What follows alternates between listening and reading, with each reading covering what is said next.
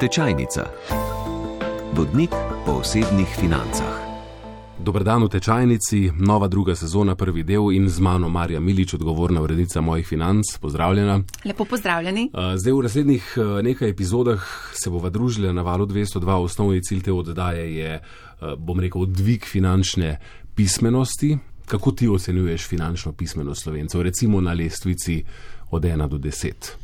Ja, na mojih financah smo ocenili šolsko oceno finančno pismenost slovencev in smo jih ocenili zadostno dve. Od Naj, pet, ne? Od ja. pet, seveda. Uh -huh. Najslabše oziroma najslabšo oceno so si pa prislužili mladi in pa starejši. Je pa Valikon tudi pred kratkim naredil raziskavo finančne pismenosti. Povedali so, da ni tako zelo hudo uh, in da so najbolj finančno pismeni starejši državljani, uh, najbolj kritična skupina pa od 25 do 35 leta. Ja, in tudi povedali so, da so starejši, ki so najbolj pismeni, zase menijo, da ne vedo prav dosti o financah. Točno Zanimivo. tako. Ne? Naj in gost danes je Blaž Hribar, član uprave pokojninske družbe A. Dobar dan. Dobar dan, pozdravljen. Um, kako bi vi ocenili finančno pismenost slovencev? Se strinjam s to oceno. No. Um, gre skladno s tem, koliko ljudi ta tema bremeni. Ne? In to je odvisno od, od življenjskega cikla. Ne? Ko smo mladi, finance, dolgoročni pogledi, dolgoročno vrčevanje, kakršnakoli dolgoročna odgovornost za sebe, pač se še spomnim, kako je bilo ne? in ni bilo. Te, te, teh, tem, v teh temah se nismo pogovarjali. Ne? A, ko gremo v službo, ko dobimo otroke, grejo te teme a, više po prioritetni lestvici in a, bliže, ko smo recimo v pokojitvi, bliže, ko smo skrbi za vedno širšo družino in vedno večje, bom rekel, finančne, a, ne probleme, ampak vedno večjo finančno odgovornost, ko imamo, večja je ta potreba po finančni pismenosti. Hkrati z življenjskim ciklom pa tudi narašča naše premoženje. Torej, posem logično je do neke mere, da z starostjo ne, narašča tudi naša skrb za uh, finančno premoženje. Saj ga konec koncev do 30. leta praktično nimamo, potem pa počasi začne naraščati. Seveda najprej v bistvu odplačujemo kredit in potem šele po 40, 45, 50 letu dejansko pričnemo resno vrčevati ne, in takrat so te teme tudi najbolj uh, zanimive, seveda. Težava, ki smo jo imeli v preteklosti ali pa jo imamo še vedno, je ta, da v družinah je pogovor o teh temah tabu. Se ne pogovarjamo, ker ne želimo obremenjevati otroke s temi tematikami. Nekako pa potem pričakujemo, da bo otrok, ki bo, ko bo star 18 let, vedel vse o tem, kako upravljati svojim premoženjem, kako ravnati svojo plačo. Skratka, več bi se mogli pogovarjati o tem v družinskem krogu. Edini način, da dejansko dvignemo finančno pismenost, je, da začnemo pri otrocih, se absolutno strinjam in konkretno vsak pri svojem.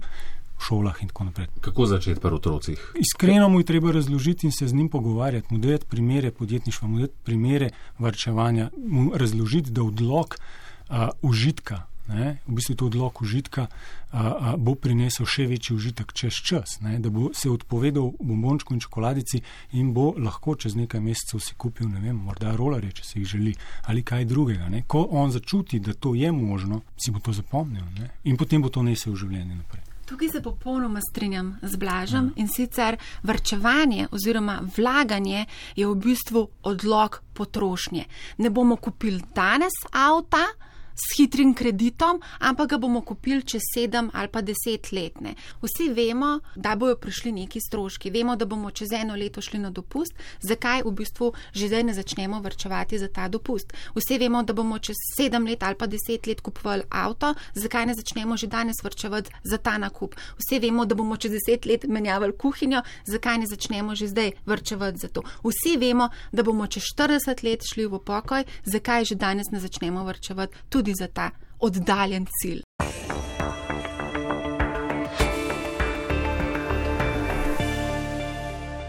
Gremo k vprašanju, kako danes varčevati, glede na to, ne, da so obrestne mere za varčevalce trenutno slabe. Ne?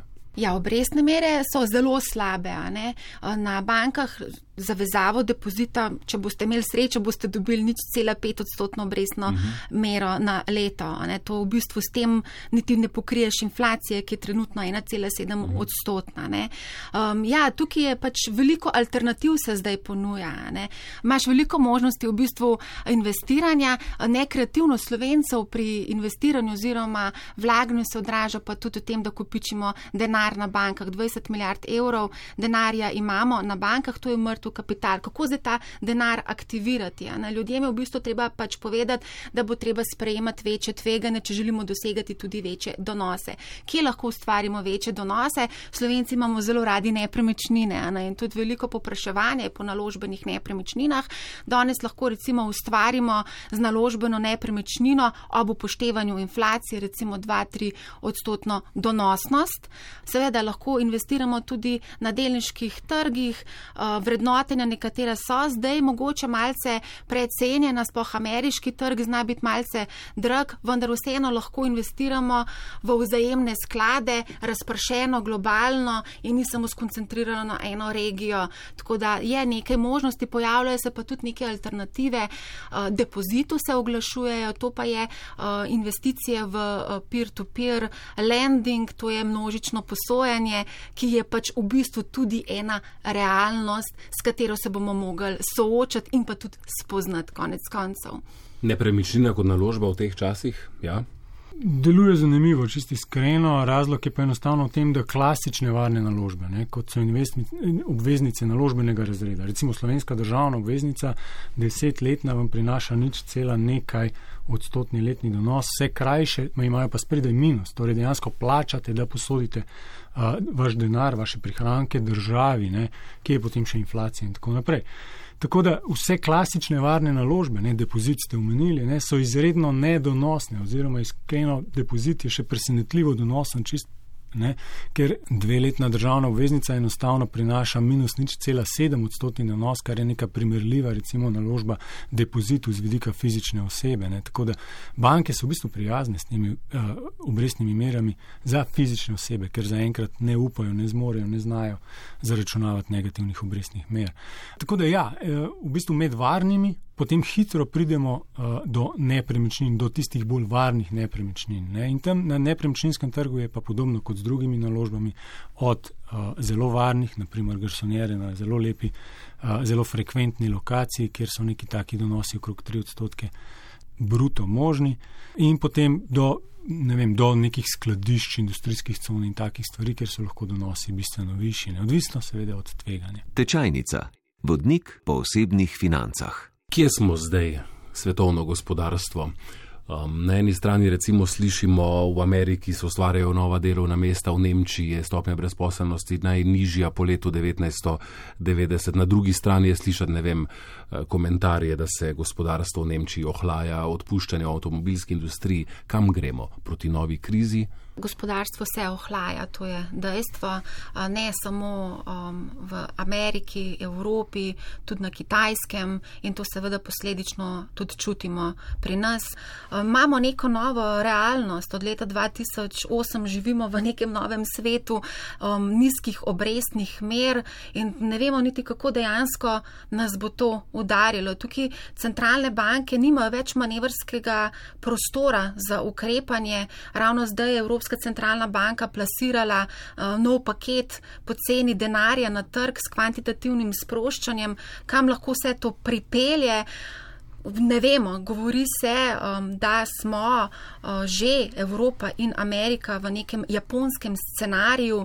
Na japonskem govorimo o desetletjih gospodarske zaspanosti, tako da ne vem, kam gremo. Govori se, da gremo proti novi recesiji. Zelo negotovi časi so v političnem, gospodarskem, kateri koli praktično smislu imate v mislih. Ne.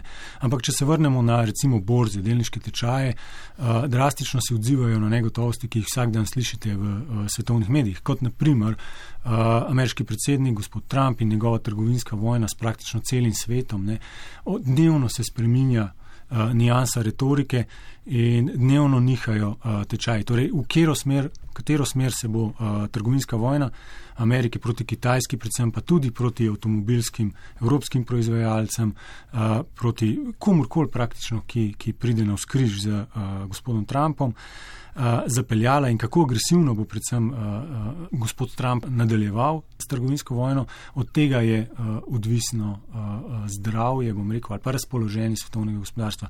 To je ena tematika. Druga, ključna, malo bolj dolgoročna, srednjeročna je, da že deset let, kot je Marja podarila, imamo solidno gospodarsko rast v svetu. Od krize leta 2009-2008 naprej bolj ali manj rastemo. In to je zdaj že naprimer v Ameriki najdaljša ekspanzija v znani zgodovini uh, ameriškega gospodarstva. Torej veliko uh, uh, indicov takih cikličnih je, da v bistvu veliko bolje ne more biti. Ne. Imamo rekordno nizko brezposobnost v Nemčiji, Ameriki, konc koncev tudi v Sloveniji smo zelo blizu. Ne.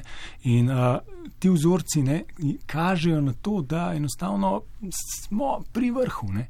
Koliko časa bomo pri tem vrhu, ne? kdaj bomo padli v prepad, ki mu rečemo recesija, ne vemo, ne, ne, vemo, ne ve nihče, enostavno je nenapovedljivo. Ne. Ali pa vi meni povejte, kako se bo razšel Brexit, kaj bo naredil Trump jutri in a, kakšen bo razplet recimo a, a, slovenske politike v naslednjem letu. Ne. To so enostavno nepredvidljivi dejavniki, ki pa imajo pomemben vpliv na razpoloženje ljudi, na gospodarsko razpoloženje v upravah podjetij, potem na investicijske odločitve podjetij in tudi konec koncev posameznikov. Ne. Če se začnemo resno pogovarjati o tem, da podjetja odpuščajo, potem kar naenkrat morda neka širša družbena debata o tem, koliko potrošniških posojil je smiselno, da posameznik ima, hitro lahko postane zastarela. No. Mhm, mi se bomo takoj vrnili k tem potrošniškim in stanovanskim posojilom in novim ukrepom Banke Slovenije. Najprej pa poslušajmo, kaj so tini ljudje na ulici povedali na temo morebitne prihajajoče krize in pripravah na njo.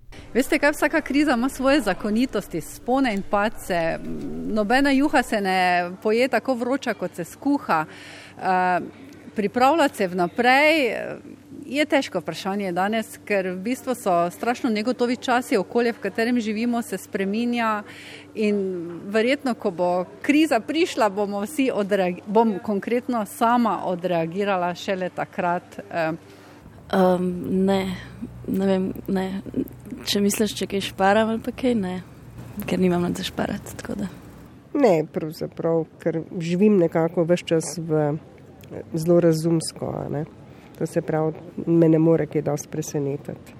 Glede na to, da imam mlajšega sina v srednji šoli, starejši je končal fakulteto, dajemo na stran tudi za šolanje, za nadaljne izobraževanje, drugače pa tu pa tam pa kaj probamo tudi ko privrčevati. Ne, noč se ne pripravljam. Imam vrt, vlagam zelenjavo, sadje in noč se ne bojim. Ne. Nisem panik niti, v redu je. Jaz mislim, da se ne. No. Zato, ker jaz osebno mislim, da že zdaj ne, pre, ne, ne, ne pretiravam v porabi. No, Sem že slišala za to, torej vem nekako, kaj se dogaja, in v bistvu v naši družini je že tako par let že tako vrčujemo denar že skozi. Tako da mislim, da ni neki novega, pa da je to bolj tako neki, kar ponavadi pri nas, pač tako nekaj, kar se skozi dogaja, tako da ni nič na novo.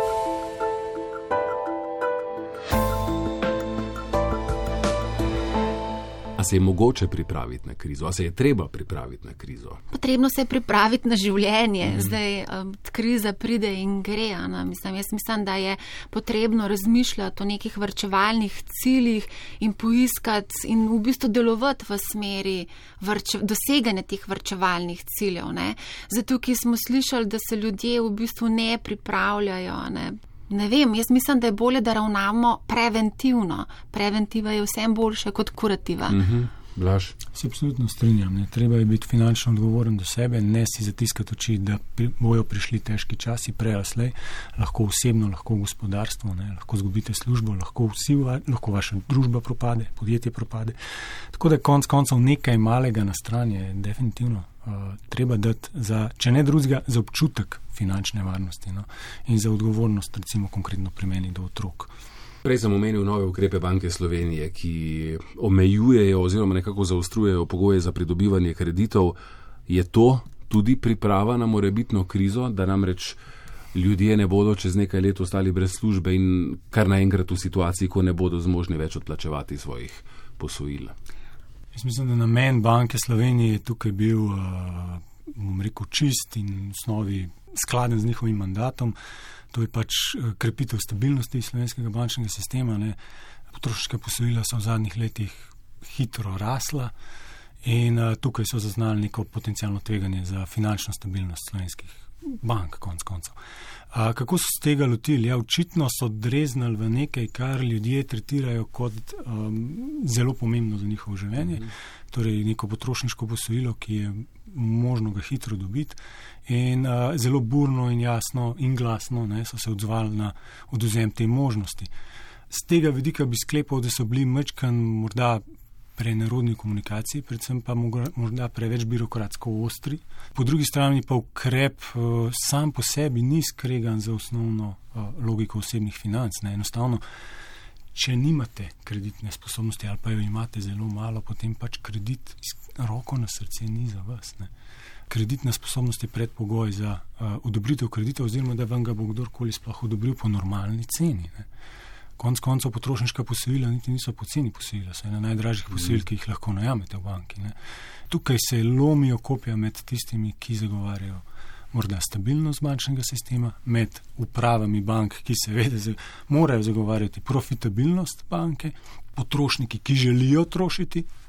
In uh, še najmanj glasni smo morda taki svetovalci za osebne finance, in za dolgoročno vrčevanje, ne, ki pa v tem roko na srce ne vidimo nič uh, drastično zgrešenega za večino populacije. Za del populacije pa očitno uh, je to zelo boleč ukrep in za njih bi mogli do neke mere morda najti malčkam bolj prijazno rešitev. Blaž Hriber, recimo, da imamo zdaj 100 ali pa 200 evrov na mesec, nam ostane.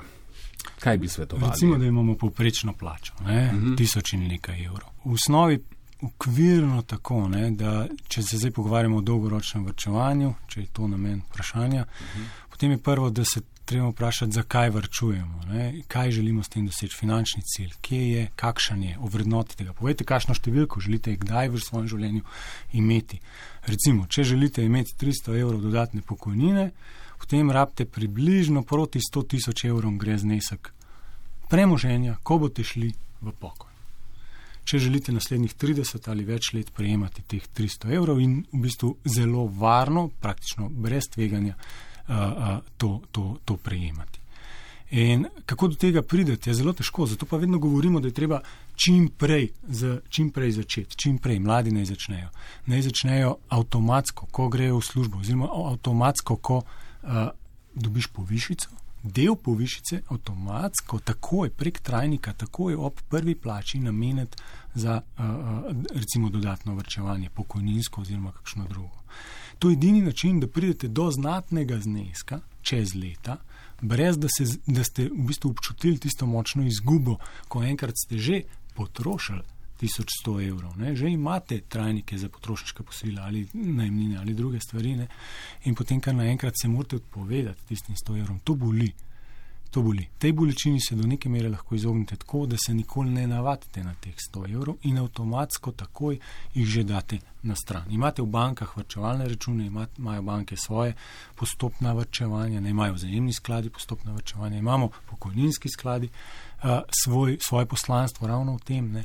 In uh, tu je to ključno. Zdaj, zakaj bi vrčeval? Tukaj ponovadi pademo, ne naredimo prav svoje naloge. Zakaj bi nekdo mlad, 30 let star, vrčeval za svojo pokojnino?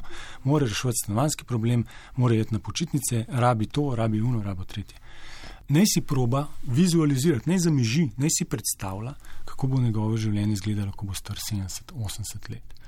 Naj torej bo star, rabo bo določene storitve, imel bo manj kot pol ali pa pol recimo svoje plače pokojnine državne. Ne? A, zakaj manj kot pol, ne? se smo ravno kar zvišali, pa sej se da. Sej se da. Ne, ne da se. Razlog je pa enostavno v tem, da bo dvakrat več starejših čez 30 let, kot jih je danes.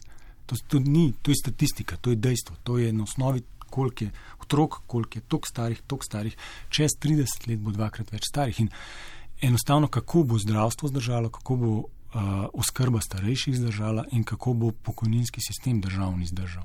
Kje bomo vzeli? V vrtcih, šolah?